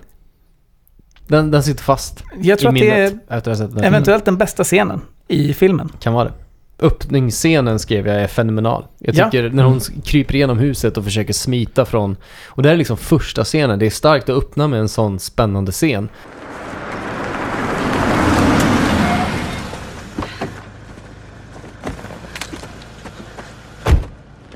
Cecilia, what is going on? Are you okay? I'll explain later. Just go, Emily. Go. What is happening?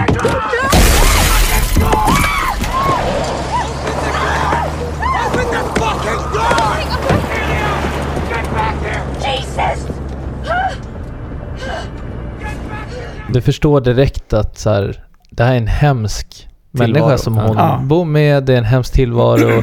De filmar in mot den här stolen som hon kollar på. där, som jag trodde var någon slags tortyrstol som han använt på henne. Mm. Den här där det ser ut som man kan så här, binda fast henne i armarna och benen. Mm. Det är där han har sin Eh. dräkt. Exakt. Lite som den här uh, Korea-filmen som vi kollade på. Nej, det var inte Korea. Den här filmen um, Ja, den där franska. någon... Ja, franska. Just det. Vad de var? Mar- Martyrs. Ja, exakt. Martyrs. Martyrs. Ja. Ehm, lite det stuket Ja. fick jag feeling av. Och Mm. bara så här, shit, han har torterat henne och så här, det... Hemskt. Ja. På tal om det så, jag tycker det är fett bra när hon, hon flyr från huset i början, kommer ner till garaget och att hunden kommer då. Mm. Eh, vad hette hunden igen? Zoe. Sus. Sus. Sus. Ja. Sus kommer traskandes. Eh, jag gillar det. Då Ja. sitter man lite på nålar. Ja. Hunden står där, man vet inte, kommer den skälla? Ja. Så man nej, och, och så står hon där och så tänker man bara skit i hunden, spring. Så här. Mm. Ja. Vad håller du på med? Och sen så är hon så här, nej jag kan inte lämna dig. Så går hon fram och tar av ett så här halsband som hunden har. Och då är det ett så här elchockshalsband. Exakt. Så fattar man också så här, fan vad hemskt. Ja, Ehm, den här hunden har ju också blivit ja misshandlad. Och antastad. Exakt. Kanske. Garanterat. Eh, nej, men den är mästerlig. Alltså, den är ju Hitchcock-aktig. Ja, Hela den första scenen. Hur hon smyger. Alltså spänningen som byggs upp med musiken. Mm. hela Eh, första... Hon sparkar på den här hundskålen. Så att man tror att mannen Mm. ska vakna. Hon tittar på kameran där han ligger och sover. Ja, Hon klättrar. Alltså, mästerligt gjort. Det är så man gör Skitbra. en fucking skräckfilm alltså. jag ska säga hela första tredjedelen av filmen är jättebra. Okej, Ja, bäst. Ja. Hade du något mer på... Sorry, jag glömmer ju dig. nej men jag ville lägga in... När, jag tycker det är bra när Cici är på det här mentalsjukhuset. ehm, eller psykmottagningen eller vad det nu Cici är. är alltså Cecilia. Ja, Cecilia. Ja, men de, han, Jag de skojar. kallar henne för Cici i filmen. Eh, inte Cici New Girl, som alla kommer tro. Eh, när Cici står på den här sjuk eh, mentalmottagningen, Ja, det det är sant. inne i duschen. Hon, för hon vet att han är där. Mm. Eh, så hon går in i duschen. Hon har gömt en penna, en så jäkligt vass penna, Mm. uppe i duschen. Och så ställer hon sig... Sjukt dyr penna ser det ut som. Guldpenna. Orimligt dyr. Ja. Och, och då tänker man att nu kommer hon ta livet av sig. Typ. För att hon har varit med om så mycket skit. Så hon, och så stabbar hon sig i handleden och Ja. börjar skära upp sin hand, handled. Fan vad jag har det på Så jäkla äckligt. Ja, Är det så? ja, men det är rimligt att du har det på nitpicking. Ehm, och då är ju han där så försöker han stoppa henne för att hon är gravid med hans barn och allt det här. Ja. Ehm, jag tycker att det är en bra scen när allt det här händer. Vakterna kommer in och han börjar mörda folk i korridoren. Även fast det finns mycket nitpicking och saker som vi stör oss på så tror jag att det är en sevärd scen Mm. från filmen. ja, det är då det blir spänning. Det är, Som sagt, tredje Jag tycker vi akten borde börjar nämna den. Ja. Ja. Filmnörd. Ja, eh, verkligen. Eh, vi går över på bästa citaten. Jag har ett. Jag har inget. Släng era då, ska jag slänga mina. Jag sa precis att jag inte har något. Men eh, ta ditt William. Nej, men, Ja, vänta då. Men William, om du kommer med ditt först, så fyller vi in. Fyller vi in. det, det, det, som, det citatet som gjorde mest impact på mig, det är när Cici har varit tillbaks till första scenen. Hon flyr från huset, hon kommer ner till vägen. Eh, den här hunden som hon precis har räddat, eh, den råkar backa in i en bil. Och som börjar, larmet börjar gå på bilen. Så man vet att Adrian är på jakt efter henne. Ja. som står och väntar. Eh, så kommer Cici med bilen och plockar upp henne. Och hon hoppar in i bilen. Och så stänger de dörren. Då kommer Adrian springandes genom skogen. Och bara så "Åh!" skriker typ och börjar banka på bilen. Och skriker Cecilia! Och så, så säger Emily, syrran, då säger hon What's happening? och, sen, och sen så bara står de där ett tag, sen kör de iväg. Så bara, bara, förklara först vad det är som händer innan jag bestämmer mig för att Alltså, jag, köra. jag satt och härifrån. tänkte så Det är här. så jävla sjukt fasen alltså. vad kul om jag, om jag skrev till min syster, bara Lina, det har hänt någonting sjukt. Du behöver hämta mig, klockan är så här fyra på natten. Ja. Du behöver hämta mig här, exakt om en kvart, för någonting sjukt händer just nu. Ja. Ehm, liksom, no questions asked, kom och hämta mig. Hon bara, ja, jag plockar dig. Där och då Ja. fattar du att okej, Någonting allvarligt. Ja, någonting alltså. allvarligt Ja, händer. okej. Jag liksom Ja. lyckas ta mig ut, står där. Det är klart att Lina kör dit i så här 200 km i timmen och fattar bara holy shit, Jo- Jonas är i trubbel. Då när jag kommer dit och hoppar in i bilen, om Tove kommer springande så bara yes! Helt. Ofta hon skulle sitta där och bara vad är det som händer? Hon skulle bara trampa i gasen och köra fort din som flickvän är en psykopat, jag Exakt. måste härifrån nu. Illa fucking kvickt alltså. Så jäkla roligt. Ja, men och, alltså Tove hade inte kommit och slagit igenom rutan med ett slag. Det är just det, han slår också sönder Har du, rutan. han- han- har du sett Tove eller?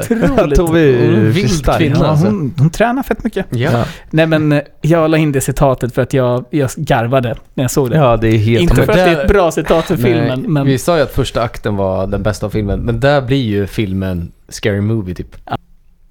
Okej, ja. här Jag, se, ja, jag ser att jag har skrivit ner ett citat, men jag tror mer att det var... Att det är också åt nitpicking-hållet. Men det var bara så här, jag tyckte det lät så kul när han kom in i, stormar in i sovrummet. ehm, efter första natten när de dragit av täcket och hon försöker dra bort det från eh, när The Invisible Man har ställt sig på täcket. Så Mm. försöker eh, Cecilia, eller Cici, dra bort täcket. Och så plötsligt så börjar de skrika och så kommer han inspringandes, alltså James. eh, James och Sydney, alltså dottern, Storm Reed. saw something. It was right there. It was right there. There were footprints. I saw it. You saw, I you saw saw. I footprints? Yes, I saw in the sheets. I saw it right there. I saw them. There's someone in here. There's someone in here. Sid, put that stupid thing on. You're, you're the one who bought it for me. Who you gonna spray? Who? Who you gonna spray? Who? What the fuck? Ja, den är en favorit. Jag, jag ska också ner... eh, Alltså det här är ändå eh, seriöst bra. This is what he does. He makes me feel like I'm the crazy one. Ja. Och det går ju Ja. tillbaka till gaslighting. Det och är det är ett det det bra handlar om. citat. Så här, för fan, det beskriver ju hela Mm. problemet med den här typen av psykopater som hon har handskats med. Och det är det som Verkligen. gör den här filmen jävligt bra. Gillar så här, psykopater. Just det, men de är ju faktiskt två. Eh, Största tabben? största tabben ja. Titeln. Skrev jag. Ja, alltså jag har inte, Ja. jag har inte skrivit någonting på största tabben. För Oj. att jag tycker att Eh, det, nej, men- är, ja, men det Okej. känns som att det är så här, ja men att släppa den här filmen. Men Men det är ju ingen tabbe. Varför gav ni oss Nej, den här men- filmen? Jag kan säga Frågan största... är om det är tabbar eller om det är nitpicking. ja, men det är Ja, det. men det går jag, är- hand. alltså, Men Okej, okej, den kan vi- största nitpickingen. Som jag tror vi alla är vi, överens om. vi säger att vi, vi kör nitpicking och största tabben i samma. Ja, okej. Ja, Ska De här kommer bli de va? längsta kategorierna. ja, men ska vi... dra- Men okej, på 1, 2, 3 så säger vi den största nitpickingen, Ja. eller den största tabben. Eh, och jag vill ha... Vi summerar med ett ord Ett ord. Ja men, okej, vi säger... eh, Ett ord. Okej. som beskriver scenen. Ja. Ja, och det ska vara ett uh, subjektivt. Ja. Eller subjektiv. Vad fan Ja. är det? Ja, men Det är alltså en det, sak. det är alltså... Det är Ja, alltså ja, En ja. sak. Okej. Ett, två, tre. E-mail. Sjukt. Ja, det funkade. Ja, Bra. vi var rörande överens. Ja, Emelies. ja, men alltså det är så här... Ehm, Andas. Andas. Skål. Återigen. nej men the email, the email you sent me this morning. Och så bara... Alltså hade man, hade man inte... Hade man, hade man inte reagerat, alltså för jag började skriva ner massa kommentarer om hur hon reagerar. För att hon går på en konstig defensiv. Man hade ju bara frågat, man hade ju varit ganska lugn och bara What e-mail? Ja, Alltså vilket mail? Mm. Eller så här, vad menar du? det är som att hon direkt fattar bara nej, han har skickat det. Ja. Ja, exakt. Ja. Måste vi spela lite coolt här. Ja men alltså man hade ju frågat såhär bara, vadå vilket e-mail? Ja, man har inte Och så fattat- hade Nej. syrran bara, ja men då, när du kallar mig det här så bara, jag har aldrig gjort det. Nej, Alltså okej. hade, hade, hade, Alltså, vi, får, ju- hade, vi, får, hade, ju- vi får ju lä- lägga lite kontext. Alltså Ja, okej hon, syrran, så här, eh, Cecilia, huvudrollen, kommer till syrran, behöver hjälp för att hon inser ju att eh, den här mannen jagar henne. Hon kommer till syrran, syrran öppnar dörren och bara, vad vill du? Och Cecilia bara, herregud du måste hjälpa mig. Hon bara, ja men du skickade ett mail till mig i morse. Ja, Och hon bara va? Ja, Vadå? Har jag skickat ett mail? Va? Nej det, nej, det är inte jag. Och hon bara nej, det stod i det här mailet att jag är det här och det här och det här och att du hoppades på att jag skulle dö. Och hon bara nej, det var inte jag. Hon bara vet du vad? Håll dig borta från mitt liv. Stänger syrran dörren på sin syster där. jag tycker det är så kul. Återigen, tillbaks till min referens till min egen syster. ja. Ponera att jag, syrran har hämtat mig mitt i natten, Tove har slagit sönder våran bilruta Ja. när hon skjutsar mig därifrån. Och så händer det massa sjuka grejer i mitt liv. Jag kommer hem till henne och är helt så bara, jag behöver hjälp. Och hon bara, ja men du skickar det här mejlet till mig. Och jag hade sagt så bara, nej Lina, vad fasen? Jag har inte skickat något jäkla mejl till dig. om? Då hade hon sagt, nej, det är klart. Så ja, vad sjukt. Någonting händer dig. Någon har Då hackat hade, din e-mail. då, sjukt då, håller på att då, hända. hade, då hade hon tagit upp sin telefon och bara shit, jag fick det här mejlet kolla av på det här Ja, mejlet. Exakt, exakt. Och då är det Nej, bara- Jag tänker exakt samma, hade min brorsa fått ett mejl av mig så hade han Han typ, hade ringt han hade ringt mig på en gång och Direkt bara såhär, vad fan, vad är det här för mail jag hade har inte ens behövt komma dit och så här knacka Nej. på dörren och han öppnar skitlack. Nej. Utan han hade ringt mig på en gång, eller skrivit, eller mejlat, eller så här, vad Ja. som helst. Och bara så här.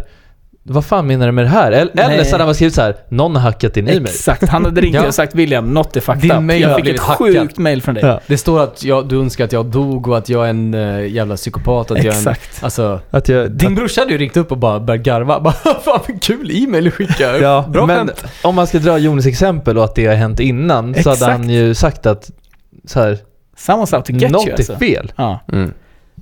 ja det, är, det är helt orimligt. Det är så jävla orimligt att bara stänga dörren och inte lyssna på sin syster och bara, vet du vad? Vi är färdiga du och jag. Efter den scenen ville jag stänga av filmen. Ah, fy fan. Då var jag, jag var färdig. Det är Ja. Hon avslutar också innan hon stänger så bara You need some medication. Adrian is dead. Jag kan inte tänka sig att det finns kanske någon annan runt Nej. omkring som Nej. också typ är polare med Adrian eller någonting som Nej. fuckar med Utan henne. såhär, Utan syrran behöver medicin. Ja. Adrian är död, Fan, så det, det finns ingen chans att någon kan vilja något med dig. alltså. Här är på Eh, täppan då. Här är på täppan, Elisabeth Moss. Ja. Hon, är, hon är på toppen av sin karriär just nu. Garanterat. Mm. Och det, det kommer bara komma mer av det här. Ja. Hon kommer få göra fler filmer. Det här är inte hennes höjdpunkt. Uh, nitpicking. Emelies e-mail har vi redan nämnt. What's happening i öppningsscenen har vi redan nämnt. Eh, vad har ni, vad har ni mer? Ska jag bara köra igenom en lista Ja, kör- snabbt? kör igenom alltså, ska jag köra igenom Ja. min lista snabbt och så struntar vi och prata om dem? Ja, vi kan bara nämna dem faktiskt. Jag håller med. Eh, Det finns en grej jag vill snacka om. bra.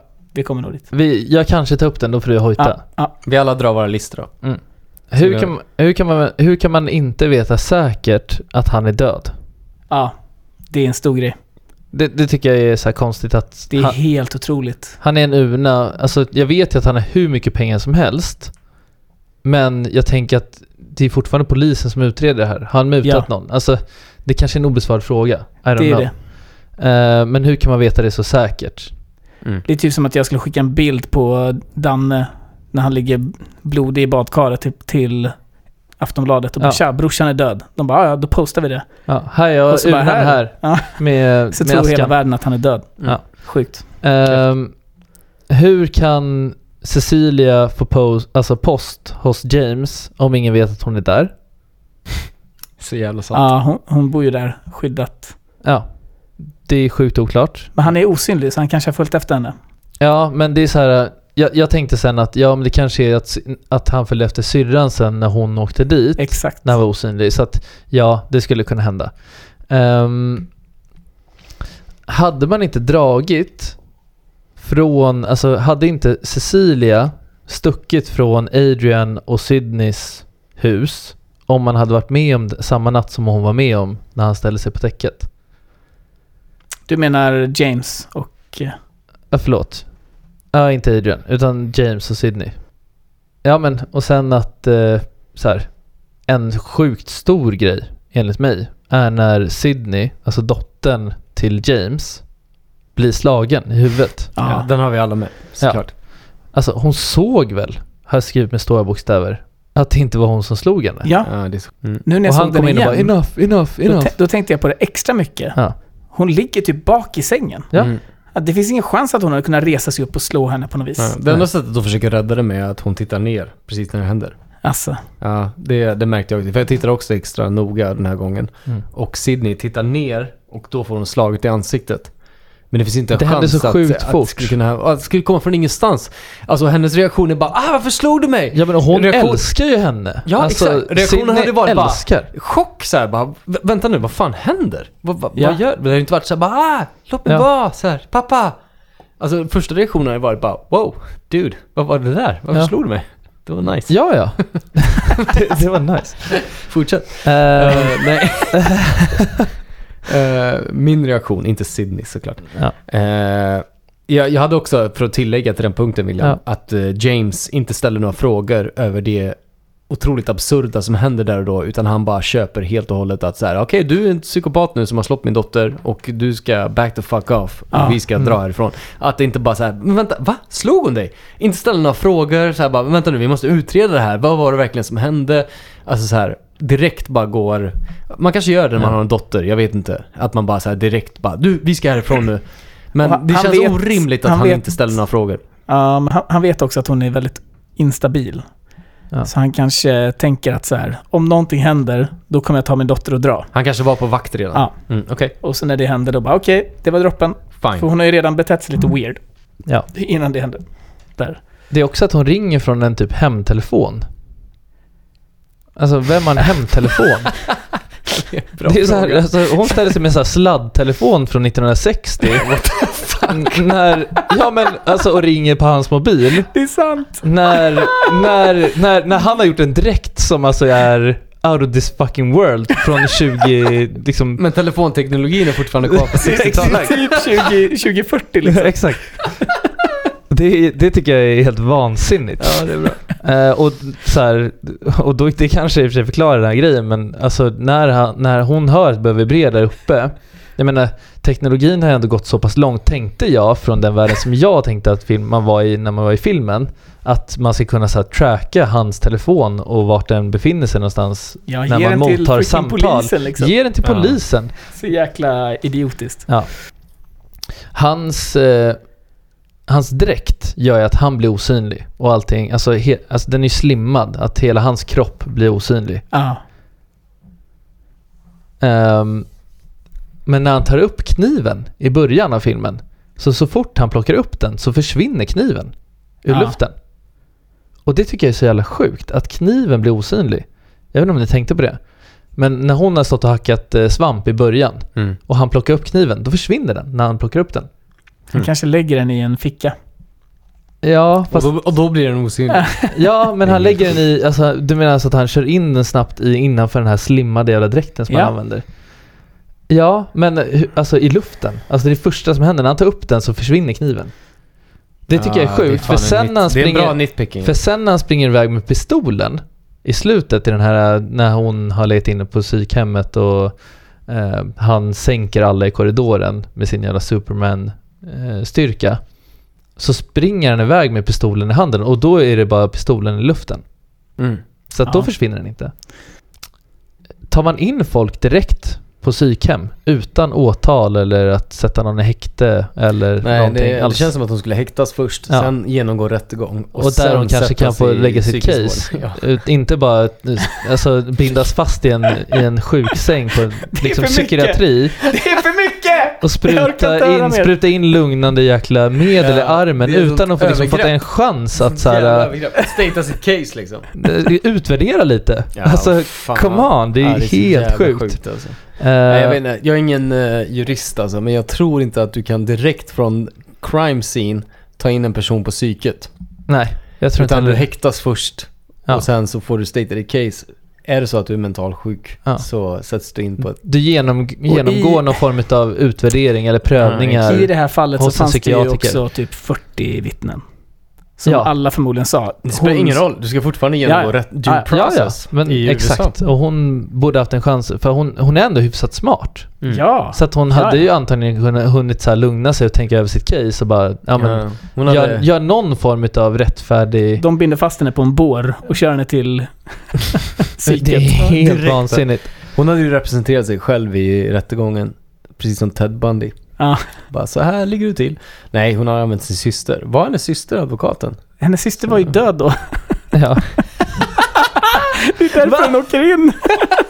Hade hon använt sin syster? det hade blivit svårt. Det hade varit skitsvårt. Men då hade hon garanterat Ja en men det är det jag menar. Hennes advokat är ju bort. I mean, alltså, mina, har, har du advokat med dig idag? Nej, det var ju henne som jag dödade. Jag dödade min ni. advokat som försöker att hjälpa mig här i Alltså, ni- caset Ja. mot min... Alltså Mot ni min säger, exman Ni säger att jag ni dödade. henne. Jag Jag säger säger att det var någonting annat som hände. Ja, fan eh, bra. Jag har några fler. Har du några fler? Ja, absolut. Fan vill jag. Nej. Alltså är det inga superbra så får du fan lägga ner nu alltså. För nu Ja, måste men vi också... jag har ett, ett ganska intressant val här. Alltså så här, Säg någonting klockrent. okej. Det här är mer, det är mer en fråga eller en Men du kan inte sitta och nitpicka på att regnet inte syntes bättre på hans uniform. Det är inte att det syntes bättre, det är mer att jag tycker att så här, elektroniken i hans kropp... Men nu ska vi inte gå in på det igen. det Skitsamma, jag det tänker inte komma in på det igen. Det Men jag bättre. menar, något som jag tycker är lite djupare då. Ja. Det är valet som ändå advokaten, alltså brorsan, Tom Griffin, ger till henne där när hon precis, alltså när hon sitter i psykhemmet. Mm. Ehm, att så här, du kan få gå tillbaks till honom så kommer, Ja. jag, kommer vi stryka allt det här. Ehm, det tycker jag ändå, det hade kunnat få lite djup. Det valet. Och jag tänkte ändå att så här, shit, det är ju intressant att ta upp i podcasten. Om man hade gjort det eller inte. Men i det här fallet så är det så otroligt tydligt. Så här, varför skulle hon någonsin vilja gå tillbaka till honom? Det är så tydligt att hon hellre tar livet av sig. Ja. Och sen är det så jäkla sjukt. Hur ska hon kunna gå tillbaks till honom? Ja, han är ju död. Okej, jag väljer att gå tillbaks till honom. Så bara, ja, då kommer vi... Hur ska de lösa Vi det? återupplivar honom. Då kommer han leva sen igen. ja. Och ingen kommer åka dit för mordet. Vad fasen? Så att de hade ju kunnat göra det här valet till ett ganska så här, ändå så här bra filosofiskt liksom, inslag i filmen. Nej, för att det är ett idiotiskt val. Men det, Det blir ett idiotiskt val så det går inte att lösa. Var det en okej nitpicking eller? Ja, det var sista. Förlåt för Nej, att jag det är har lugnt. tagit ut bara. Det är svinbra. William har ju, eh, fan, det är kul att jag och Jonas har sett den här filmen två gånger. William har sett den en gång och han har, antar jag, väldigt många fler nitpickings än vad båda vi har sammanlagt.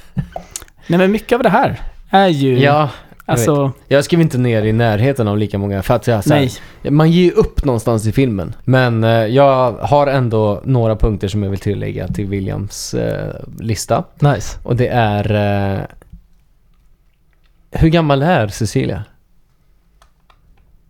30, Oj, 30 plus? 30 någonting? 35 kanske? Ja. Ja. 35, okej.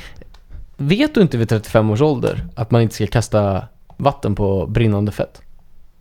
Jo, Det är sjukt konstigt. Alltså det har jag vetat sedan jag var typ 16. hon är ändå antagligen hemmafru eftersom hon har en sån Ja, abusive alltså man. ingen över 30 kastar vatten på brinnande fett. För du har sett det i alla filmer. Att det gör man inte. Men det kommer är- ändå en 12-åring eller 14-åring Och och, säger Ja. till Ja. vad du ska göra. Ja. Ingen person med en tonårsdotter och ett polisjobb är så jävla rippad som James är. Alltså det går inte. Det är helt orimligt att de har castat den personen. Jo. Nej, då får du fan göra push-ups varje dag. Så bara, ja ah, men han verkar vara den här singelfarsan som har tagit hand om sin dotter, uppfostrat henne, Ja. jobbar Ja. som en snut. Som en, han är inte bara en jävla patrullsnut utan han är ju tydligen uppenbarligen Ja, han en investigator exakt. liksom. Så han är, han, Otroligt nog. Ja, eh, otroligt nog. Nej men han är ju en uh, investigative cop liksom. En, Mm. vad heter det? En, alltså inte en... åker Han är en detektiv. En detektiv. En detective. Ja. Så att så här, hur kan han hålla sig i sån extrem jävla form som han är i? När han har det här livet som han har. Han går på gymmet. Så är det. Eh, Sen hade jag, hur fan lyckas Adrian, osynliga mannen, tränga sig igenom alla dörrar och skit eh, på sjukhus och grejer? Så här, snissla sig in i alla rum utan Ja, att så här, stöta, stöta in i någon eller så här. Så här, hur fan, så här, för det är ändå svårt att snissla sig in i dörrar Ja. även om du är osynlig. Hur lyckas han göra det hela tiden utan Ja. att bli påkommen? För tänk om så här, om de går in och så märker man att dörren öppnas igen. Och Ja. hon bara, han är här! Ja, då, hade de, exakt. då hade man blivit fett freaked out Ja. som läkare och bara, va? Ja, någonting sjukt hände ju. Det är orimligt att han är, han verkar ju inte bara vara osynlig utan också typ Terminator 2, vad heter den? Mannen som lyckas bli liquid och snissla sig in under dörrkarmar. Vi vet ju inte vad dräkten faktiskt gör. Eh, vågar man, det här, är, det här är min största nitpicking, vågar man stäba sig själv i handleden som ett lockbete för att lura någon? Nej. Ja, Alltså, men jag tänker det att känns hon, riskabelt. men jag tänker Nej. att hon också är tillräckligt mycket på gränsen för att tänka att så här, äh, Jag kan lika gärna dö. dör jag så dör jag. Jag hade inte haft psyke nog jag tror inte hon vill dö. Jag tror inte hon vill dö. Alltså, ja, eller så, så tänker hon att så här, ja men jag är infast här, eller inlåst här, det är ingen som tror på mig. Min syrra är död för att alla tror att jag har dödat henne. Det finns ingen som tror på mig längre. Hon vill ju att sanningen ska ut, men det, så att så här, Ja, hon tar det som en sista resort. exakt. Ja, okej. Fattar. Men jag, nej, nej, jag hade inte gjort det. Men jag är inte i den situationen. Tack. Tack gud för det. Uh, Jonis, har du något att tillägga? Ja, jag tänker att eh, det här är nitpicking, men det går också in på obesvarade frågor. Ja. Jag antar att vi gör typ samma grej. Ja, jag Eller tror vi hoppar obe- obesvarade frågor idag. Ehm, Nej, För att det är mycket frågor om, som är nitpicking. ja, Då kör vi obesvarade frågor. ja. Ehm, det jag tänker, det som jag stör mig på under hela den här filmen, det är att eh, Cici är tillräckligt övertygad om att eh, Adrian inte är död. Så hon går till Tom, Adrians bror, med James, som är en investigator. Ehm, och sätter sig ner och konfronterar honom och säger att så här, Adrian är inte död. Han är osynlig. Hon lägger upp hela den här grejen framför Tom. Mm. Eh, varför under hela den här jäkla filmen sätter hon sig inte ner med James och pratar om det här? Mm. Och tar upp att så här, jag tror inte han är död, eller det händer massa sjuka grejer. Vi måste, kan Mm. vi kolla upp? Jag tror inte på att det är hans aska som står där. James som är investigator, det borde vara så enkelt för honom Ja. att bara, men jag kan kolla lite register. Han borde kunna ta fram på typ så här 10 sekunder att så här, ja men vet du vad, vi har inget registrerat. Vi har inget DNA som visar att han är död. Alltså det, det är klart att det måste finnas bevis på att Ja. människor är döda. Eller så här, oj, jag har hittat här att de har betalat det här och det här, så det går inte att hitta någonting om hans död. Mm. Så hade det inte blivit en lika, eller det hade blivit en helt annan film. Men det är något som jag lackar på. Mm. Hon tar med sig sin himla bästa polare som är polis och investigator utan Mm. att berätta. Han sitter där själv och bara, nej jag vet inte ens varför vi är här. Nej. Så bara, varför har inte ni pratat om det här? Ja, det är konstigt. Varför ska ni konfrontera brorsan nu? Då borde hon också tänka att brorsan kanske är med på det här. Ja. Hon sitter där och bara, du vet att han lever. Mm. Säg det till James innan, han, Ja, är, en, han är en detektiv. Ja, fy fan. Men det är ju så här. Jag sprängs över Sånt det. stör man sig på i väldigt många filmer. Ja, det är väldigt ja. många filmer som gör så. Varför berättar du inte bara? Varför sitter du inte ner med honom och bara förklarar det här? Men det är en så stor är manus, det är ju manus... Jag vet, men det, eh, jag tycker det är en så stor alltså. i den här filmen att det, hela filmen baseras på att han fejkade sin död. Mm. Att de aldrig ens tänker tanken att undersöka det. När han Mm. var så manipulativ och abusive. Ja. Att så här, ingen tänker på det. Och hon berättar ju det för dem. Ja. Alltså ganska tidigt. Det är inte riktigt att hon under, undanhåller att han var. och James borde också ha var. förstått att så här, oj, den här Adrian verkar vara världens freak. Ja. Mm. Och Kan då borde han ta han hennes kolla sida. li- Och han Ja. lever ju med henne. För han Exakt. märker Hans- att hon, hans hon dotter knappt bor i vågar samma gå hus. utanför dörren. Ja, Alltså, ja. jag lackar på det där. Det är assjukt. Men annars så har jag tänkt upp så här. Mycket av det här har William gått igenom. Ehm, Jag har ju fler nitpickings. Det är det som är grejen. Men jag kommer inte göra det. Ja, okej, vänta. Ja, en obesvarad fråga till som jag hade är varför låter Adrians dräkt som en dinosaurie när de är på sjukhuset? Fan, jag hade också den. Varför Ja. låter han som en Velociraptor från Jurassic Park? Helt ingenstans. Han har varit helt silent hela filmen och sen så bara När dräkten blir... Han fräser. han purrar som en katt ibland. Fy fan alltså. Ja, Varför lägger de till det jävla ljudet alltså? Det är helt Han börjar låta som ett så här skräckdjur helt plötsligt. Och sen, eh, sen sista obesvarade frågan för mig, det är när de hittar Adrian i slutet Mm. på, i hans eget hus. Och Mm. han lägger upp storyn att säga, jag har varit inlåst hela den här tiden. Det är Tam som har gjort allt det här. Jag är bara en inlåst person. Det tycker jag också är helt vansinnigt, för de går in med ett helt jäkla SWAT-team. Ja. Hur kunde de inte ha investigatat mer? Det är som Ja, att de Varför köpte har de den inte storyn. igenom huset innan? Det, tillbaks till manuset, jag vet Anton. Det är, det är så den här filmen är uppbyggd. Men Mm. Vad sjukt att de inte bara så här, aha, så du har suttit inlåst här och din brorsa har gjort allting. Ja. Det är så himla obvious att så här, okej, vi borde kolla lite mer på det här. Mm. För du, fake, ändå så var du rapporterad att du var död. Har din bror typ sövt ner dig i ett badkar och du låg där blodig? Um, Med tanke de, på de att borde de... kolla in i det mer. Med tanke på att de satte 22 poliser på Thelma och Louise utredning så borde de ha satt i alla fall fem poliser på att utreda Ja. det här i alla fall. Liksom. Ja. Får man Ja, det är mina... Ja, där är jag nöjd. Den största frågan som jag hade kanske, eh, va- vart är handen i duschen? Från trailern, från movie-affischen? Jo men du, jag tror vi såg den i... på bion. Jag känner igen den scenen. Nej, jag, såg, jag kommer ihåg att jag minns från bion att jag såg aldrig handen, handavtrycket på duschkabinen. För det hände inte nu. Nej, man ser den aldrig. Man ser den Nej. aldrig i filmen. De har med den i trailern och de har med den på posten. Det är den som säljer hela filmen, att han lämnar ett handavtryck på duschkabinen. Just det. Men det är inte med i filmen. Vad hände med den scenen? Bra fråga. Ehm, Vad bra att de kuttade ner scener. Vi Ja. gjorde filmen lite kortare, Ja, för den var bra. jäkligt lång. tack, Den var lång. tack gode gud för det. Ehm, Det hade kunnat vara en bra scen. Okej, är sidan. James, James och Cecilia, är de vänner än idag eller? Ja. Jag tror att Cecilia sticker. Jag, Jag, jag, tror, jag tror James bara så här, nej. Fuck han, this han, crazy han woman, tittar ju alltså. på henne med, med, henne. mm, alltså det är ju inte mycket, han, det är mycket dislike, exakt, distaste. Han, han gillar inte det han hör från henne i slutscenerna. Nej, han är färdig med henne. Men, och, och det går ju i och för sig hand i hand med hur det har varit i filmen, men samtidigt så fattar jag inte varför han har låtit henne bo, om inte han köper hennes story, så är det klart att, ja men då sket han i henne. Mm. Det tror jag också. Men i slutet så vet han ju. Jag tror att hon blir en gaslighter i slutet. Man ser det i hennes min. Hur hon bara, jag kan Hon- gaslighta folk. För hon gaslightar typ James i sista scenen. Ja.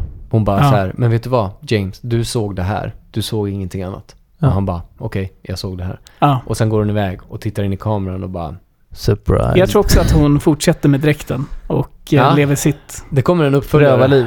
När eh, covid-19 är över så kommer det komma en uppföljare, uppföljare, uppföljare där eh, Elisabeth Moss är en jävla massmördare i en osynlig dräkt. Jag kommer inte se den. Nej, jag kommer absolut inte betala några pengar för den här jävla filmen. Jag har Om de inte Hur mycket byter- pengar har vi spenderat till den här filmen Jonas? Vi har gått och sett den på bio 500 och spänn. vi har hyrt den för 189 spänn nu ikväll. Ja. Vi har spenderat väldigt har lagt 500 för spänn. mycket pengar på den här filmen. Och Ja, vi är anledningen till att den här videon är en jävla box office hit. Ja. Det är inte okej. Ska vi skriva i rubriken till poddavsnittet Do Not See? Nej, Ja, som en disclaimer.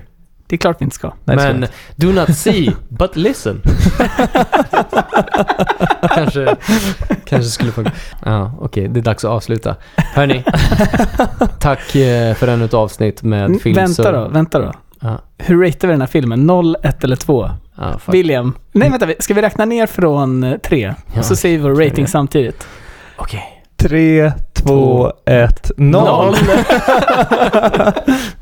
Ja, Det är noll! det är nolla så in i helvete. Se inte den här filmen hörni, men tack för att ni lyssnade.